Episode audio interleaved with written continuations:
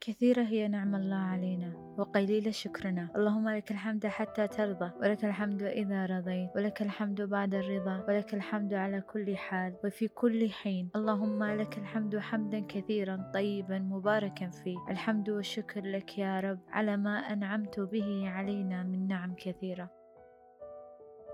بعد انقطاع سنة ونص أو مثل ما نقول بعد غياب سنة ونص من بودكاست قيمة رجعت لكم. بسلسلة جديدة وهي سلسلة الامتنان.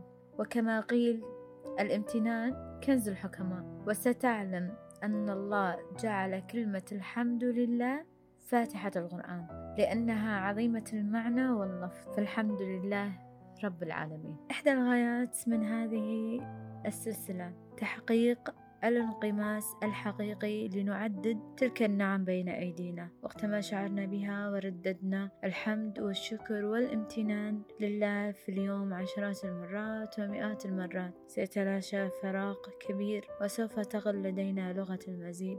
وسنطلب العون من الله لحفظها وأداء شكرها. وسنردد ربي أوزعني أن أشكر نعمتك التي أنعمت علي وعلى والدي. أمر آخر في قضية الامتنان.